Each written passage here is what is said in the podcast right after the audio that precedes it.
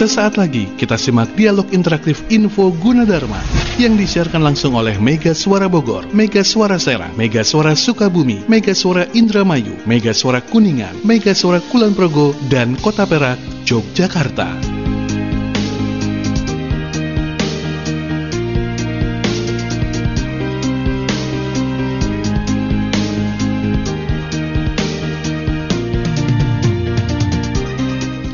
Assalamualaikum warahmatullahi wabarakatuh. Selamat pagi. Hari Rabu jam 9 Seperti biasa Info UG Saya Mardika Adi ya. Di sana ada Alvin Di studio Gunadarma Tapi yang pasti kita sapa dulu Sahabat Mega Suara yang ada di Bogor. Serang, Sukabumi, Indramayu, Kuningan, Kulon Progo, Kota Perak, Yogyakarta. Juga yang mendengarkan di UG Radio dan menyaksikan langsung di UG TV dan MGS TV. Kita ke Alvin di studio Gunadarma. Selamat pagi Alvin pagi Mardika Adi. Siap. Sehat Alvin?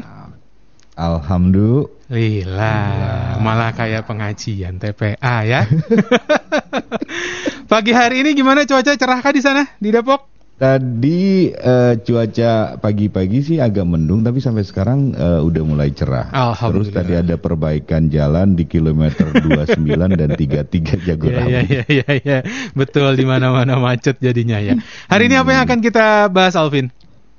Hari ini kita akan membahas uh, komunikasi, masalah komunikasi karena okay. di uh, narasumber saya di kesempatan hari ini beliau ini dari Fakultas uh, Komunikasi. Oke, okay, mantep mantep nih, Pak. Ada pertanyaan untuk komunikasi? Mungkin? Ya nanti dong, dengerin dulu oh, iya, materinya. Iya, belum, ya. Masa oh, udah iya, nanya? Iya, Silakan Alvin kalau begitu. Baik, terima kasih Mardika Adi di uh, Mega Suara Network dan selamat pagi menjelang siang untuk teman-teman yang ada di tujuh kota, tujuh stasiun radio Mega Suara Network di tiga provinsi. Kemudian juga teman-teman yang ada di uh, eh, UG Radio dan yang sedang menyaksikan di MGS TV dan juga UG TV. Pagi hari ini jumpa lagi dengan saya Alvin di program Info Gunadarma. Ada Ibu Dr. Dinda Rahma Fitriani, SI Kom MI Kom. Sehat Bu Dinda. Sehat Mas Waduh. Alvin. Saya manggilnya Mas apa Bang Bang aja ya biar lebih akrab ya. Iya, boleh kita terakhir ketemu zaman PPS PPT ya. Iya. Nah, lebih dari dua tahun yang lalu ya. Dua Oh, PPS. Oh iya benar dua tahun. Sekarang bukan PPST ya, uh, PPS PPT ya. Istilahnya ya. Uh, PKKMB, pengenalan kampus, uh, semua tentang kampus. Hari ini kita akan berbicara tentang uh, komunikasi. Saya juga kadang-kadang susah menerjemahkan ya komunikasi itu apa sih? Apakah komunikasi itu hanya ngobrol biasa? Ataukah obrolan apa ya macem-macem lah. Apalagi sekarang udah ada banyak medianya ya. Iya betul. Media komunikasi dari media komunikasi yang uh, sosial media kemudian ah macem-macem deh. Nah kalau di mata Budinda sendiri komunikasi itu apa sebenarnya? Komunikasi itu seni Wah, ini lebih ya. asik nih kan? Komunikasi itu seni. Kenapa uh saya bilang seni? Sebenarnya pada dasarnya semua orang itu pasti bisa berkomunikasi. Betul. Walaupun mohon maaf ketika orang tidak bisa berbicara karena hmm. keterbatasan secara uh, pembawaan dari lahir begitu ya, hmm. pasti memang sudah bisa berkomunikasi walaupun hmm. dengan nonverbal seperti itu. Okay. Nah, jatuhnya jadi seni karena setiap orang cara berkomunikasinya pasti berbeda-beda. Mm-hmm. Justru kalau komunikasi kita mau efektif, kita harus ngelihat dulu nih mm. orang yang kita ajak berbicara itu pasnya diajak komunikasi dengan cara yang seperti apa sih? Oh, gitu. Customize gitu, Bang Alvin. Iya, iya, Makanya iya. perlu seni di dalamnya. Iya, benar. Saya gitu. ini setuju banget. Jadi saya ketika menghadapi misalnya namanya Asep, ya. nah saya akan menghadapi cara begini. Tapi nanti ketemu dengan misalnya Pak Yono, Misalnya Yono, saya juga akan berbeda karena psikologi juga berbeda, Mbak. Psikologisnya berbeda, latar belakang keilmuannya berbeda, tingkat ekonomi pun mempengaruhi cara orang berkomunikasi dan menerima informasi ya. dari komunikasi. Habitual, berbeda-beda. Latar belakang budaya itu yang sangat-sangat berpengaruh. Mm-hmm. Jadi kalau ngomong sama Asep pasti ngomongnya lebih enak kalau pakai bahasa Sunda misalnya ah, gitu. Yeah. Langsung bahasa akrab begitu betul, ya. Betul. Kalau Pak Yono pasti dari Malang uh, nih. Uh, ya. oh, tahu. Jadi enaknya ngomongnya pakai bahasa Jawa dan seterusnya. Iya gitu. iya. Nah sekarang berarti kalau misalnya banyak banyak orang yang uh, istilahnya miskom ya, mis, uh, miskomunikasi. Iya artinya komunikasinya kurang kurang kurang terjalin. Berarti ada yang salah Apakah memang salah satu faktornya adalah itu? Tahu nggak Bang Alvin, Mm-mm. kalau di komunikasi, ketika komunikasinya tidak berjalan efektif, yang salah siapa? Siapa tuh? Komunikator. Oke. Orang yang memberikan informasi, bukan orang yang menerima informasi.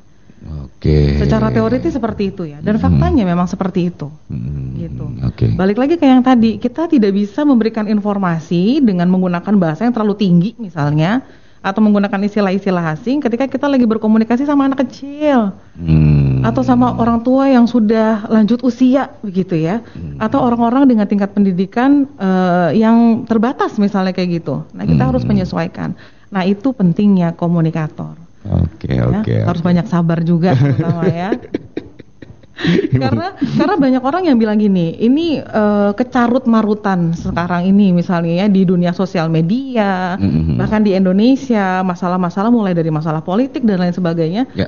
yang disalahin ilmu komunikasi. Hmm. Ini pasti komunikasinya nggak bener. nih, Iya iya iya. gitu iya. ya. Banyak faktor ya, Bang Alvin ya. Hmm. Nah sekarang kalau misalnya ini kan sosial media sifatnya eh, heterogen gitu ya misalnya. Apa yang harus dilakukan untuk mengkomunikasikan melalui media sosial ini bu? Nah, yang diperlukan adalah kebijaksanaan. Tahan diri, jempol kita ini nantinya akan menghasilkan jejak digital yang sulit sekali orang lupakan. Hmm. Ingat komunikasi itu ketika kita ngomongin, Hmm. eh, kalau kita menyakiti orang nggak bisa kita tip X. Oh. Walaupun kita udah hapus statusnya, kita nggak tahu berapa banyak orang yang udah screenshot status yang kita Hmm. yang kita posting begitu ya.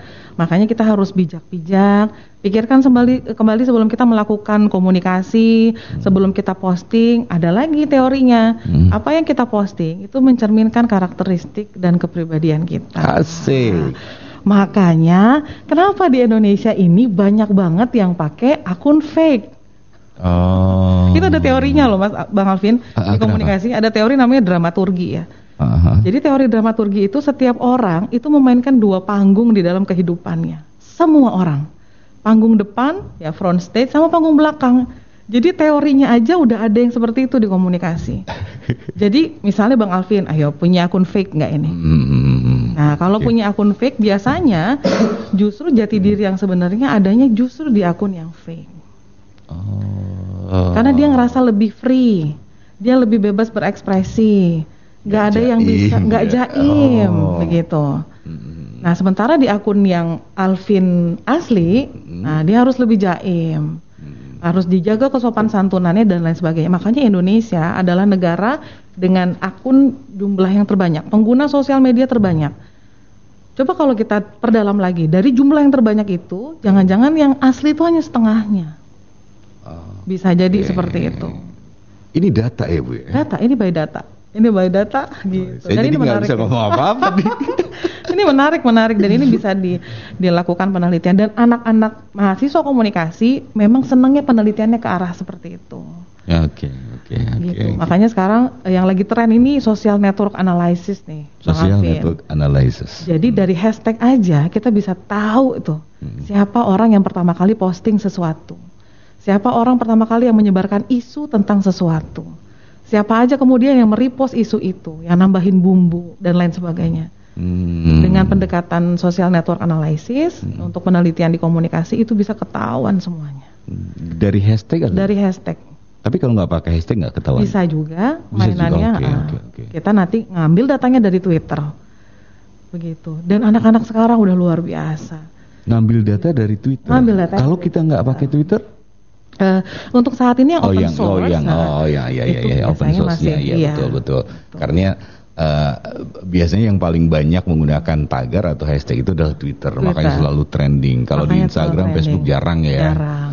ya. Oke, nah sekarang kalau kita pengen belajar yang tadi eh, Bu Dinda sampaikan tentang adanya komunikasi yang lancar, komunikasi yang kurang kurang lancar, ada faktor-faktor penyebab kesalahan komunikasi. Kalau di Fakultas Komunikasi Universitas Gunadarma, apakah kita juga akan belajar itu? Sangat belajar itu.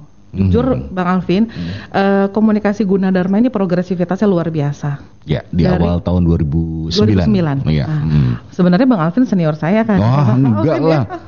Jadi di tahun 2009 eh, j- saya bergabung di komunikasi Gunadarma itu tahun 2014. Hmm. Dari 2014 sampai detik ini saja itu perkembangan Fakultas Ilmu Komunikasi luar biasa. Hmm. Saat ini kami sudah punya eh, dari angkatan reguler itu 2015 ya Bang ya. Hmm. Kami sudah ini angkatan 2018 yang akan sidang dan beberapa teman-teman di balik layar juga mahasiswa kita begitu. Hmm. Kami juga sudah punya S2 yang dinakodai eh, oleh Pak Edi Prihantoro Hmm. dan saat ini kami sedang mengusahakan untuk S3, S3. Ilmu Komunikasi. Berarti progresivitasnya luar biasa. Melihat progres eh, daripada perkemba- eh, progres atau perkembangan daripada Fakultas Ekonomi dari tahun ke tahun eh, kalau kalau internalnya sih memang bentuk dari S1 ke S2 kemudian kalau dari mahasiswanya seperti apa?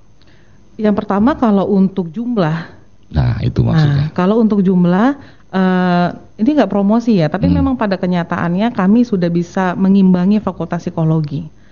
Jadi Oh, di oke. sosio humaniora kan dibagi dua ya Bang Alvin ya, Hmm. Eh, jurusan eksakta Hmm. gitu dan jurusan yang sosio humaniora. Hmm. Sosio humaniora itu psikologi, komunikasi, Hmm. ekonomi dan lain sebagainya begitu ya. Mhm. Ini kami sudah me- mengimbangi Hmm. kakak fakultas kami, fakultas psikologi seperti itu.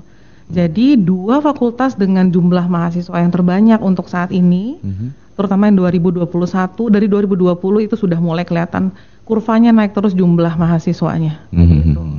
Karena kami terbagi jadi tiga region ya bang ya, Mhm. ada di Bekasi, kami juga punya di Depok dan kami punya di Karawaci. Gitu. Eh, b- eh, boleh bisa nggak disebutkan bahwasannya gara-gara sosial media, gara-gara multimedia, kemudian apa lagi ya, ya yang yang semacam itu. Boleh di- boleh nggak dikatakan bahwasannya makanya komunikasi itu semakin naik semakin naik. Pasti Ada pengaruhnya juga ya. sangat berpengaruh. Mhm. Di era konvergensi semuanya berpengaruh. Hmm. Eh, data terakhir itu Bu kita harus eh, update dan kita harus bikin hashtagnya lagi begitu ya khusus untuk penerimaan mahasiswa baru Mhm. karena anak zaman sekarang itu kalau cari informasi udah nggak pakai flyer udah jarang tuh bang. Iya, ya benar. jadi anak-anak mahasiswa zaman sekarang itu udah mainnya Instagram. Hmm. mereka cari informasi Fakultas Ilmu Komunikasi Gunadarma tuh kayak gimana sih? Hmm. kakak-kakak kelas kami tuh yang wajah-wajahnya Iya. seperti apa sih? Begitu ya. Iya, kegiatannya apa aja? Itu semuanya based on sosial media. Begitu. Iya, iya. mau nggak mau ya. Jadi memang kita ya harus akselerasi ya. Ya, Melakukan kemarin anak desain juga nanya, kamu perlu fotonya nggak? Nggak usah, nanti saya cari katanya. Ternyata dia dapat juga dari mana dia dapat saya nggak tahu gitu kan. hebat ya anak zaman sekarang hebat hebat Oke, kalau lebih dalam lagi kita masuk Fakultas Komunikasi Universitas Gunadarma dari semester 1 sampai dengan akhir apa yang akan kita pelajari? semua karena di Fakultas Ilmu Komunikasi jujur untuk saat ini kami belum memiliki prodi ya jadi prodi kami baru hanya satu tidak seperti fakultas yang lain Mhm. Misalnya kalau Fakultas Ekonomi ada prodi akuntansi, Oke. kemudian manajemen. Hmm. Nah, di Fakultas Ilmu Komunikasi, prodi kami baru ilmu komunikasi. Mhm. Sehingga semua keilmuan basic dari komunikasi itu pasti akan kami tawarkan dan dipelajari oleh mahasiswa. Mhm. Mulai dari jurnalistik, Oh, akarnya. Nah. Kemudian komunikasi massa, Hmm. ya digital jurnalistik sekarang kami ada. Jadi jurnalistiknya udah nggak konvensional begitu. Hmm. Terus kemudian humas, Oke. semua semua yang basic-basic komunikasi ditawarkan. Mhm. Bahkan termasuk mata kuliah banyak mahasiswa kami yang bilang gini, Bu, kok kita dapat mata kuliah algoritma? Hah? Iya, karena based on IT. Oh. Jadi cara berpikir eh, cepat, kemudian bagaimana seorang mahasiswa kemudian nanti ketika di masyarakat bisa mengkonstruk masalah dan bisa menghasilkan solusi yang tepat dan cepat itu di mata kuliah-mata kuliah yang seperti itu. Dan kami tawarkan itu. Artinya, eh, maaf, kalau boleh saya katakan, eh, ilmu komunikasi itu nggak perlu dong yang namanya dunia digital, IT dan lain sebagainya. Tapi di fakultas ini mempelajarinya. Mempelajari. Kalau saya boleh jujur di asosiasi dulu pada saat eh, saya belum selesai kuliah S3 ini ya Bang ya. Karena kalau di asosiasi kan kami terdiri dari beberapa banyak sekali dosen dari PTN dan PTS ya. Kami berdiskusi FGD, bagaimana perkembangan ilmu komunikasi dan lain sebagainya. Nah, pada saat saya presentasi tentang bagaimana kurikulum di ilmu komunikasi Gunadarma, eh, saya menyebutkan kami ada mata kuliah algoritma, kemudian statistika, basic eh, ininya apa namanya pola berpikirnya dari Artinya matematika. algoritma statistik yang berhubungan dengan IT atau Dengan IT, Oh. dengan IT karena itu sangat membantu sekali mahasiswa bisa berpikir cepat dan tepat, terutama ketika nanti terjun di masyarakat, ada solusinya apa. Jadi pola berpikir untuk mengkonstruksi ini, kalau ada masalah seperti ini, saya harus berpikir seperti apa. Hmm. Itu ditawarkan dulu waktu saya memaparkan kurikulum kami seperti itu, Hmm. banyak yang kaget juga gitu ya. Tapi sekarang mohon maaf kurikulum dan jurusan-jurusan yang berhubungan dengan komunikasi tapi basicnya IT Hmm. sudah banyak sekali diadopsi oleh tetangga-tetangga yang ada di kampus lain Ya. begitu. Nah, boleh dijelaskan secara spesifik nggak Bu? Eh, program studi ilmu komunikasi, tapi hubungannya dengan IT. Apa yang ada hubungannya dengan IT dengan ilmu komunikasi yang dipelajari khususnya di Gunadarma? Mulai dari kreatif thinking kami menawarkan mahasiswa untuk berpikir kreatif seperti apa. Dari kreatif dari satu mata kuliah itu, kreatif thinking itu menjadi basic. Ini salah satu contohnya aja ya Bang Alvin ya. Hmm. Dari kreatif thinking kemudian mahasiswa bisa berpikir secara kreatif, out of the box. Nantinya itu akan menjadi bekal ketika mahasiswa terjun ke masyarakat membuka atau membuka usahanya sendiri. Justru kami berharap mahasiswa bisa berdikari. Sebelum mahasiswa itu terjun ke masyarakat, dinyatakan lulus, mahasiswa sudah bisa membuka usahanya sendiri dan itu banyak sekali. Nah, dari situ kita bisa melihat bahwa konektivitas, relevansi antara mata kuliah yang berbasis ke IT-an begitu ya, Mhm. itu sangat connected sekali dengan ilmu komunikasi. Oke. Nggak oke. bisa lepas gitu ya. Oke. Gitu. Kita harus break dulu, Bu. Boleh. Ini sebenarnya masih betah, tapi break dulu sebentar ya. Nanti kita lanjut ya, Bu Dinda. Dan pemirsa juga pendengar, kita akan kembali untuk Anda di program Info Gunadarma dan ini asli menarik pembahasan di kesempatan hari ini. Kita masih akan ngobrol dengan Ibu Dr. Dinda Rahma Fitriani SIKOM MIKOM, tapi setelah beberapa informasi berikut ini. Jangan ke mana-mana, info Gunadarma akan kembali setelah beberapa informasi berikut ini.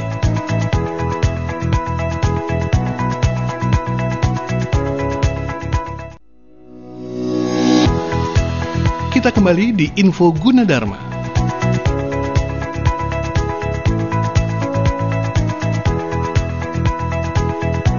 Selamat pagi. Sekali lagi buat sahabat Mega Suara yang mungkin baru saja bergabung ya. Saya Mardika Adi di Info Yuji pagi hari ini menyapa dulu yang ada di Bogor, Serang, Sukabumi, Indramayu, Kuningan, Kulon Progo, Kota Perak, Yogyakarta. Juga mungkin ada yang mendengarkan di Yuji Radio dan menyaksikan langsung di Yuji TV dan MGS TV. Ada Alvin di Studio Gunadarma. Alvin.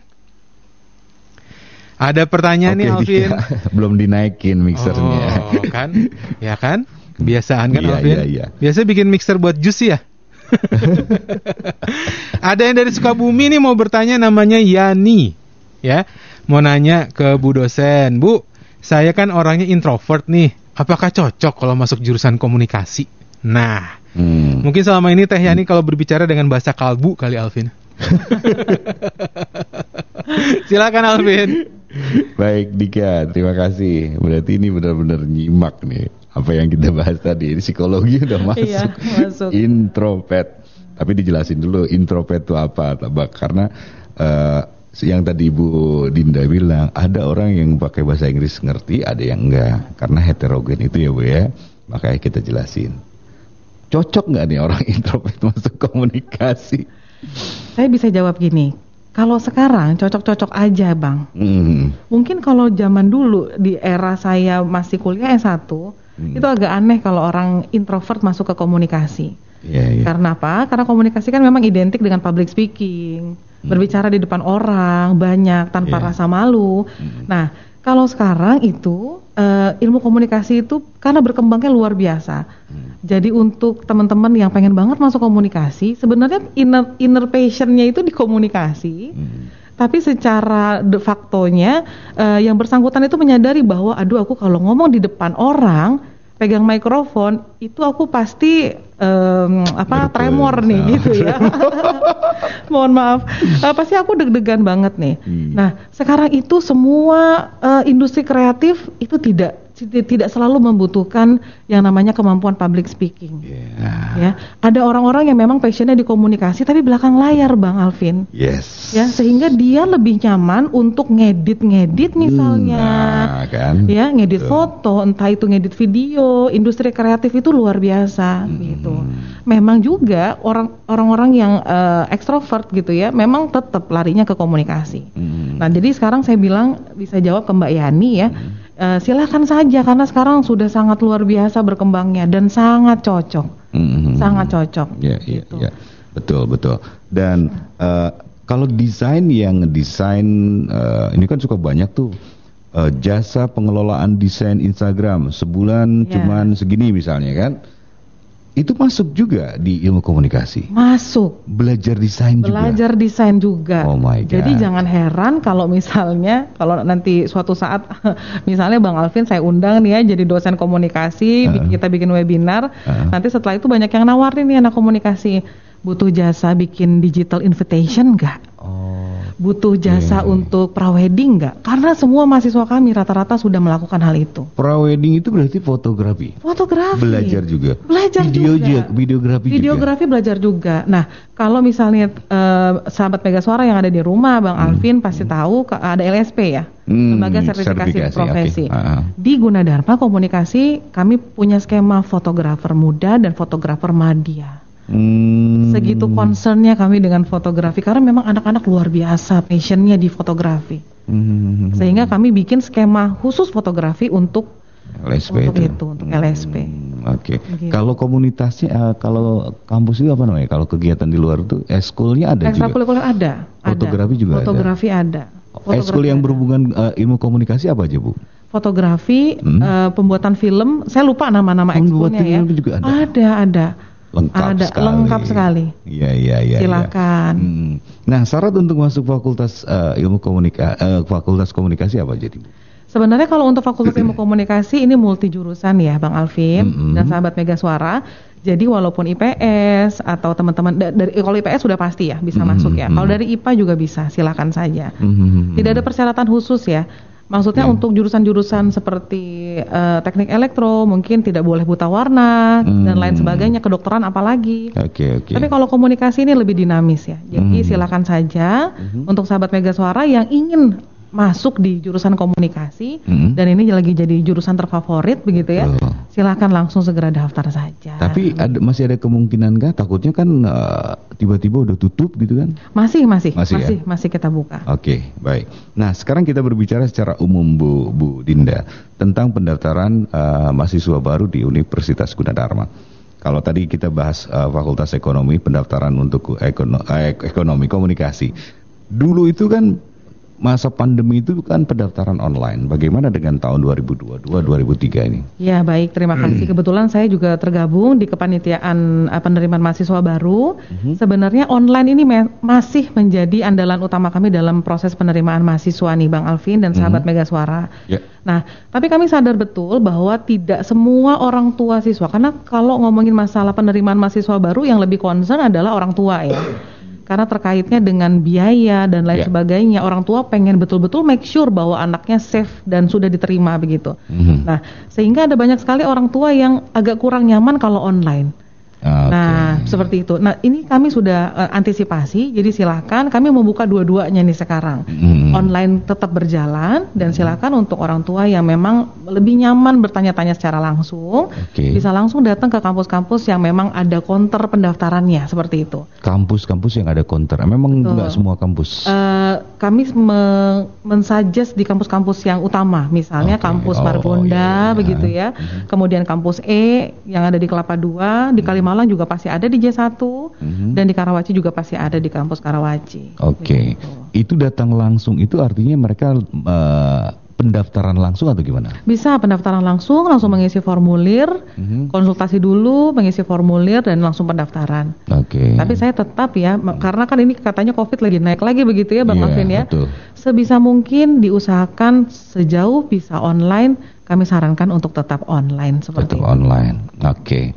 Nah, sekarang untuk pendaftaran teknisnya atau step-stepnya untuk pendaftaran online ini seperti apa Bu Dinda? Nah, ini bagus sekali pertanyaannya. Sebenarnya pada dasarnya semua informasi yang dibutuhkan oleh baik orang tua Mhm. maupun mahasiswa kami sudah eh, taruh di website sebetulnya seperti itu Ya. pada dasarnya. Hmm. Jadi tinggal membaca. Tapi memang kan interaksi itu akan lebih enak dibanding kita baca sendiri gitu ya. Betul, betul. Jadi untuk yang ingin bergabung di keluarga besar Universitas Gunadarma, tinggal Hmm. masuk ke websitenya Bang Alvin. Gunadarma cari aja di di situs pencarian Google gitu ya, ketikkan Gunadarma saja. Oke. Kemudian masuk ke websitenya, nanti di pojok kanan atas ada tulisan pendaftaran begitu. Oke. Nah, nanti silakan diklik pendaftaran. Mhm. Nah, nanti setelah masuk ke laman yang baru, nanti akan muncul pop-up itu fitur live chat. Fitur live chat itu Oh, ada di iya. pojok kanan bawah, pokoknya di bawah, saya agak lupa kanan atau kiri. Kalau di sebelah kita kiri berarti. Kiri ya. Ah, kalau di komputernya kanan. Kanan ya, Ah, benar itu. banget. Nah, nanti ketika fitur itu muncul, itu tim kami sudah siap membantu. Tapi pada jam-jam tertentu dong. Jam ya. kerja, betul Oh, Jangan sekali. sampai jam 3, jam 2 ngechatnya gitu. Eh, itu akan tetap kami balas. Oh, secara ah, on- ah, oh, betul. Oh, iya, iya. online nanti Hmm. kami akan balasnya dan akan masuk ke inbox email seperti itu Mhm. begitu Kemarin juga ada pertanyaan sih waktu saya ini mah waktu di di di kantor nanya-nanya. Ini kalau misalnya daftar kita daftar udah berhasil atau tidaknya ketahuan nggak gitu? Saya juga nggak ngerti itu pertanyaannya.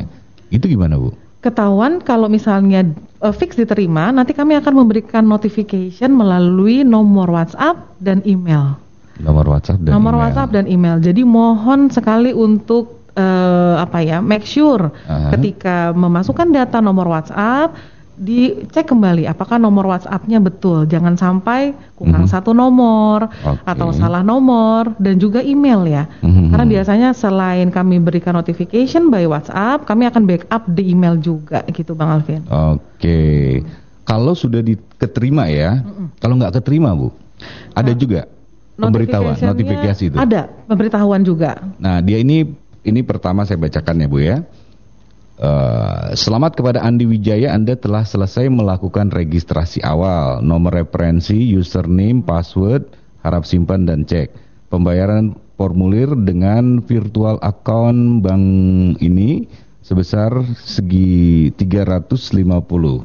Oh, ini pendaftaran kali ya, Bu ya? Yes, itu Oh, oke. pendaftaran, betul. Ini artinya adalah bimbingan untuk pendaftaran. Nah, kalau misalnya sudah mendaftar, dia nggak nggak ngasih, sudah mendaftar, eh, berhasil tidaknya pendaftaran online itu ada pemberitahuan nggak? Kalau misalnya ditolak, ada pemberitahuan ke kita. Sebetulnya kalau contoh kasusnya kayak yang barusan Bang Alvin bilang, Hmm. itu sebetulnya sudah diterima. Kalau ini Karena- pendaftaran kayaknya ya? Iya, pendaftaran. Ah, oke. Karena kami sudah seleksi administrasi di awal.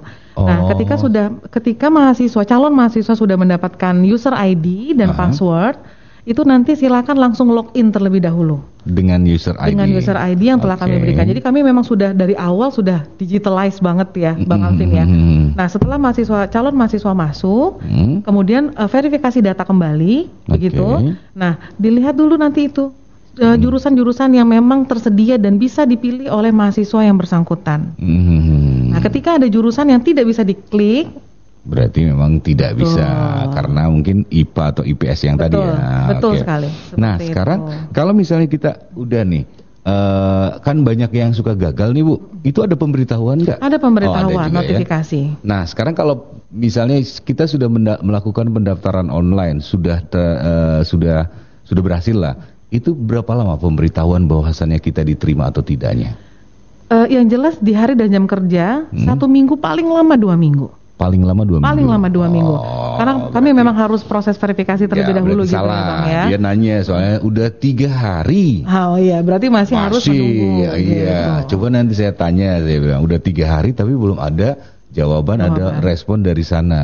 Nah, tadi saya mengarahkan Hmm. nah, sebaiknya tetap ditanyakan melalui live chat. Oh, live Jadi chat itu misalnya ya. gini, eh, belum satu minggu tapi udah nggak sabar nih. Ah, Kan ada yang seperti itu ya. Aduh, eh, tapi panik nih, pengen tahu aja deh sebenarnya posisinya di mana sih? Saya keterima Oh, apa enggak oh, statusnya? bisa ya. Bisa. Jadi silakan memanfaatkan fitur live chat. Mm-hmm. Itu kami tim balik layarnya sudah sangat siap menjawab semua pertanyaan, termasuk Oh. konfirmasi. konfirmasi. Oke, baik. Bu Dinda nanti kita lanjut eh, karena kita harus break terlebih dahulu dan kita akan kembali untuk Anda pemirsa dan juga pendengar di acara Info Guna Dharma untuk kesempatan hari ini kita masih punya waktu sampai pukul 10 waktu Indonesia Barat tapi setelah beberapa informasi berikut ini. Jangan ke mana-mana, info Gunadarma akan kembali setelah beberapa informasi berikut ini.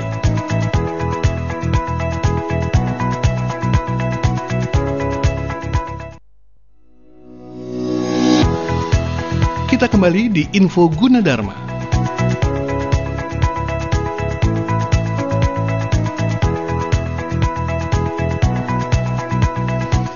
Di sesi terakhir Info UG pagi hari ini kita akan bahas pastinya soal pendaftaran ya. Alvin, ada Ya. sahabat Megasora di Depok ini yang mau bertanya namanya Mahir. Ya. Oke. Kapan semester barunya dimulai dan kapan terakhir pendaftarannya? Itu Oke. pertanyaannya. Silakan Alvin.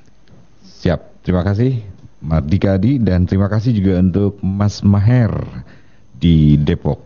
Jangan-jangan tetangga ini ya. Bukan netizen kayaknya. Bu Dinda, Ya. langsung aja Bu Dinda pertanyaan dari Maher di Depok semester baru dan kapan mulai kuliah? Oke, kapan semester baru dimulai? September. September ya? September, insya Allah kita akan mulai semester baru. Kemudian kapan pendaftaran terakhir? Saya jawabnya seperti ini aja, secepatnya, Hmm, gitu ya. iya. Karena, yang tadi saya bilang tadi betul, ya. Oke. betul. Biasanya yang paling sering tutup, bukan tutup, pendaftaran langsung full itu biasanya fakultas apa nih, Bu? Eh, yang berhubungan dengan IT, sistem informasi, Oh, masih tetap iya, ya. masih tetap nomor Ah, satu hati-hati nih, jangan buru cepet-cepet ya. Betul, harus cepat-cepat. Oke, baik. Terima kasih Maher. Semester baru insya Allah September, kemudian penutupan secepatnya aja. Oke. Nah, sekarang Bu tentang pendaftaran eh, mahasiswa baru. Setelah kita melakukan pendaftaran mahasiswa baru, kita sudah menjadi mahasiswa Gunadarma. Apa yang harus eh, lang eh setelah pendaftaran ada ada notifikasi selamat Anda diterima. Setelah itu apa yang harus kita lakukan? Nah, nanti dipersiapkan kita akan masuk ke PKKMB. PKKMB. PKKMB. Oke. Kalau zaman dulu bahasanya PPSPPT ya, Bang Oke, ya. betul. Nah, Ha. itu masa orientasi, pengenalan. Mm-hmm. Nah, saya mohon sekali untuk semua mahasiswa baru tolong diikutin PKKMB ini. Ini PKKMB itu mau eh, daring atau luring? Eh, untuk sampai detik ini memang kami belum ada info. Sejauh ini yang kemarin masih online. Oh masih online. Sudah oh udah ada, udah ada. Udah ada, masih online. Oke, masih online. Masih online sepertinya. Tolong ikuti sebaik-baiknya. Betul. Kenapa? Karena informasi yang berhubungan dengan kejurusan, kefakultasan, bagaimana peraturan-peraturannya, SKS selama perkuliahan harus berapa, Hmm. nanti kalau tidak melakukan ini efeknya akan seperti apa dan lain sebagainya. Sampai ruang jurusan ada di mana, Hmm. siapa dekannya, siapa nama ketua jurusannya, karena butuh untuk konsultasi selama eh, yang bersangkutan menjadi mahasiswa. Mhm. Nah, informasi detail-detail seperti itu, itu semuanya akan kami informasikan melalui PKKMB. Ber- ber- eh, berapa lama itu biasanya, Bu?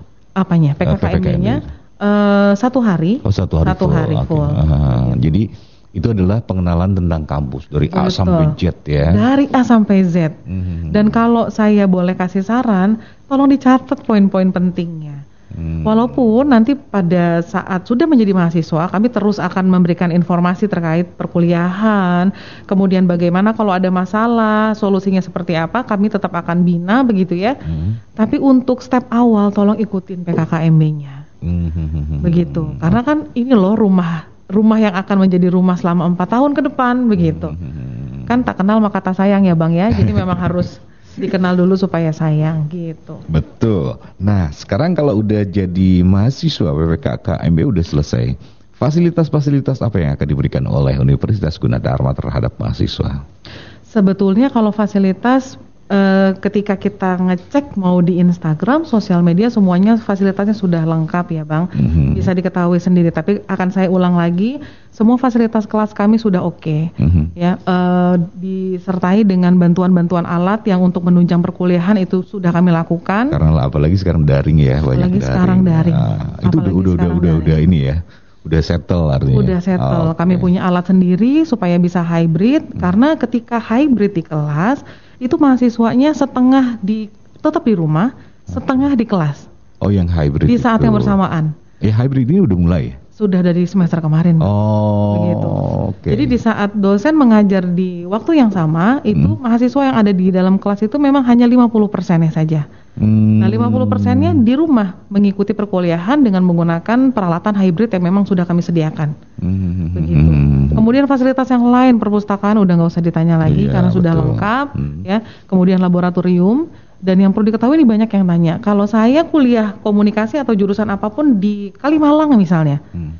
apakah fasilitasnya sama dengan di Depok? Apakah fasilitasnya sama dengan yang ada di Karawaci? Jawabannya sama, Hmm. sama, Sama ya. sama. Hmm. Hanya mungkin suasananya yang berbeda. Hmm. Begitu, ya pasti beda karena lokasinya beda, bentuk gedungnya juga beda, Tapi Ibu, begitu ya. eh, Bu Dinda juga misalnya jadwal ngajarnya ada ke Karawaci, ada ke Bekasi, ada ke mana-mana? Ada. Oh ya sama Ada. dong. Iya. Enggak takut ini wah gara-gara Bu Dinda lagi talkshow sekarang pengen diajar Bu Dinda. Oh, enggak. Eh, enggak harus ke Depok ya. Nggak harus ke Depok, nggak harus ke Depok. Dosennya yang nyamperin mahasiswanya. Sedap. Begitu. Oke, kemudian ada kesempatan nggak untuk mahasiswa-mahasiswa yang berprestasi baik akademik non akademik untuk mendapatkan beasiswa contohnya? Sangat. Nah, ini penting. Ini yang Hmm. harus di-highlight justru ya. Ya. Karena kita kan tahu Bang, pada Hmm. saat era Covid kemarin-kemarin eh, secara finansial kan memang guncangannya Wah. luar biasa. Betul. Nah, sehingga ketika ada orang tua baru eh, yang baru akan mau mendaftarkan anaknya masih berpikir. Pertanyaan pertama yang ditanyakan adalah apakah ada beasiswa? Mhm. Itu udah pertanyaan wajib. Mhm. Ya. Kami ini buka jalur ini, jalur beasiswanya banyak sekali, Bang. Mhm. Nah, ketika mahasiswa sudah keterima dan berstatus sebagai mahasiswa di Gunadarma, Mhm. tolong dijaga IPK-nya, IPK ya. Mhm. Nah, saran saya seperti ini. Yang namanya IPK tuh nggak perlu naiknya menukik kok. Dari semester 1 kemudian ke semester 2 nggak nggak nggak melulu wajib 4,00 kok IPK-nya. Mhm. Begitu ya. Nah, tapi yang kami harapkan adalah dari semester 1 masuk ke semester kedua, masuk ke semester ketiga, tolong IPK-nya jangan turun. Oh, Naik walaupun tidak terlalu banyak, tapi Mhm. progresivitasnya kurvanya tetap naik. Oh, Seperti itu. Iya, itu Nah, itu yang bagus. Justru ya. itu yang bagus, nggak perlu signifikan banget kok gitu. Si kurvanya nggak perlu menukiknya garis lurus gitu ya. Iya, iya. Agak landai juga tidak apa-apa, tapi tolong itu konsistensinya dijaga. Mhm. Kenapa? Karena nanti ketika masuk ke semester 3 itu pilihan beasiswa luar biasa banyaknya. Oh, pas waktu semester 3. Masuk ke semester 3. Hmm. Termasuk eh, penawaran untuk kelas sar- sarjana magister ya, istilahnya sarma kalau di Gunadarma. Mhm. Kelas akselerasi dan lain sebagainya. Mhm. Dan beasiswa-beasiswa yang lain. Mhm. Nah, tapi ini Bang yang yang patut di-highlight adalah gini. Banyak mahasiswa yang Ibu saya bingung nih kalau mau cari informasi tentang beasiswa tuh di mana sih? Oh, benar. Saya selalu bilang, kenapa nunggu bola?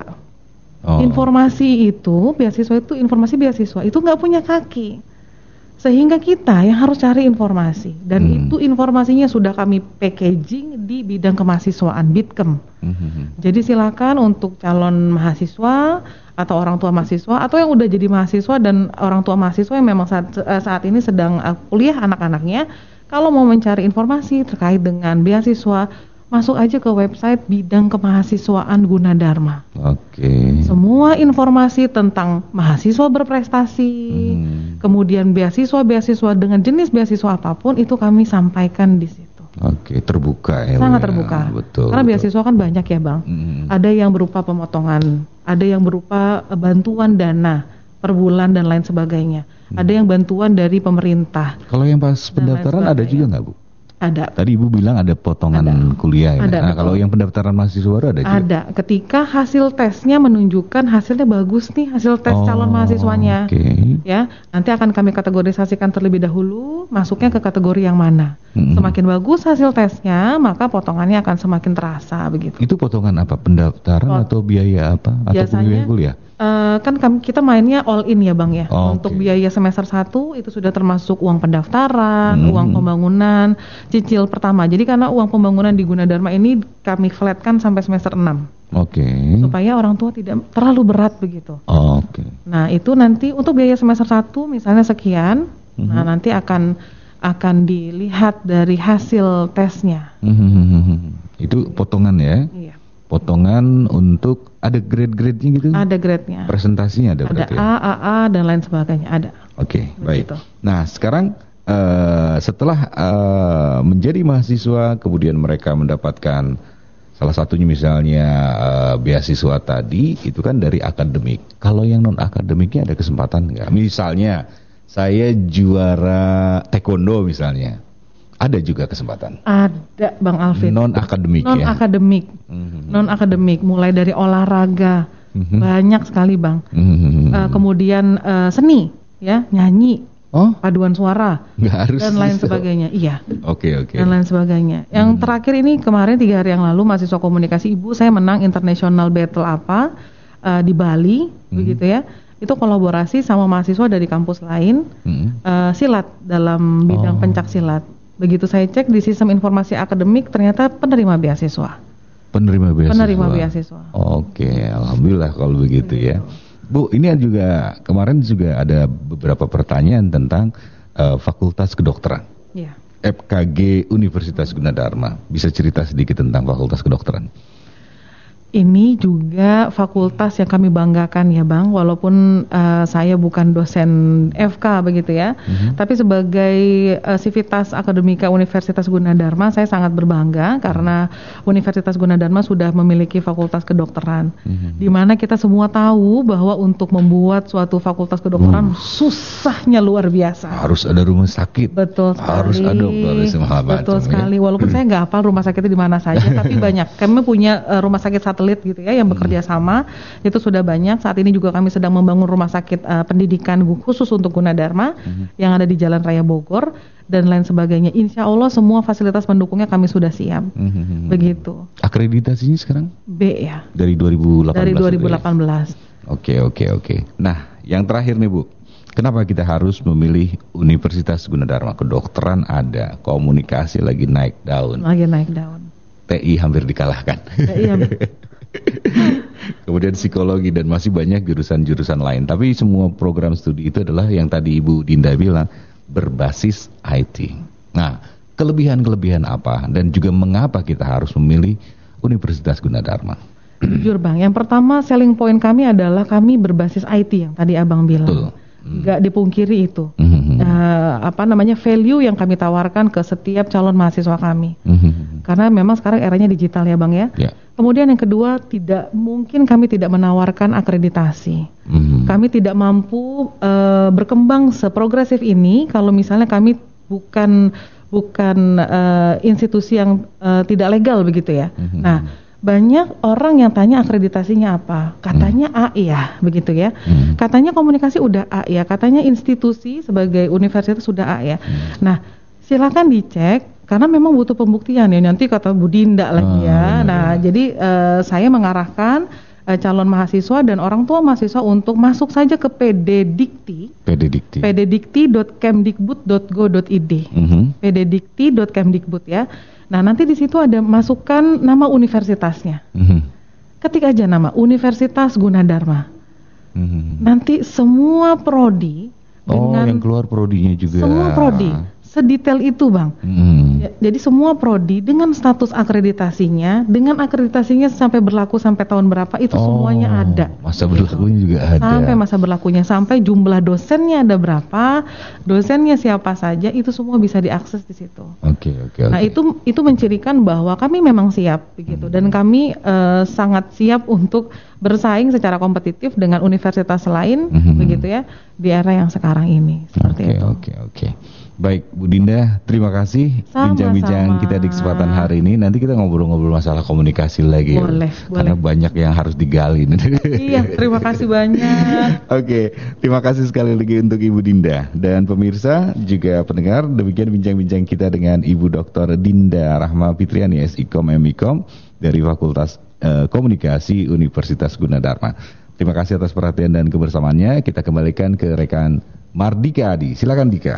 Terima kasih Alvin. Ya, terima kasih juga sahabat Mega Suara yang ada di Bogor, Serang, Sukabumi, Indramayu, Kuningan, Kulon Progo, Kota Perak, Yogyakarta. Juga yang mendengarkan di UJ Radio dan menyaksikan langsung di UJ TV dan MGS TV ya.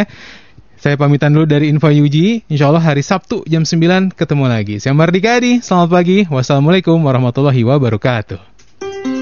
Baru saja kita simak info Gunadarma yang disiarkan langsung oleh Mega Suara Bogor, Mega Suara Serang, Mega Suara Sukabumi, Mega Suara Indramayu, Mega Suara Kuningan, Mega Suara Kulon Progo, dan Kota Perak, Yogyakarta. Dengarkan terus info Gunadarma di Mega Suara Network setiap hari Rabu dan Sabtu jam 9 pagi.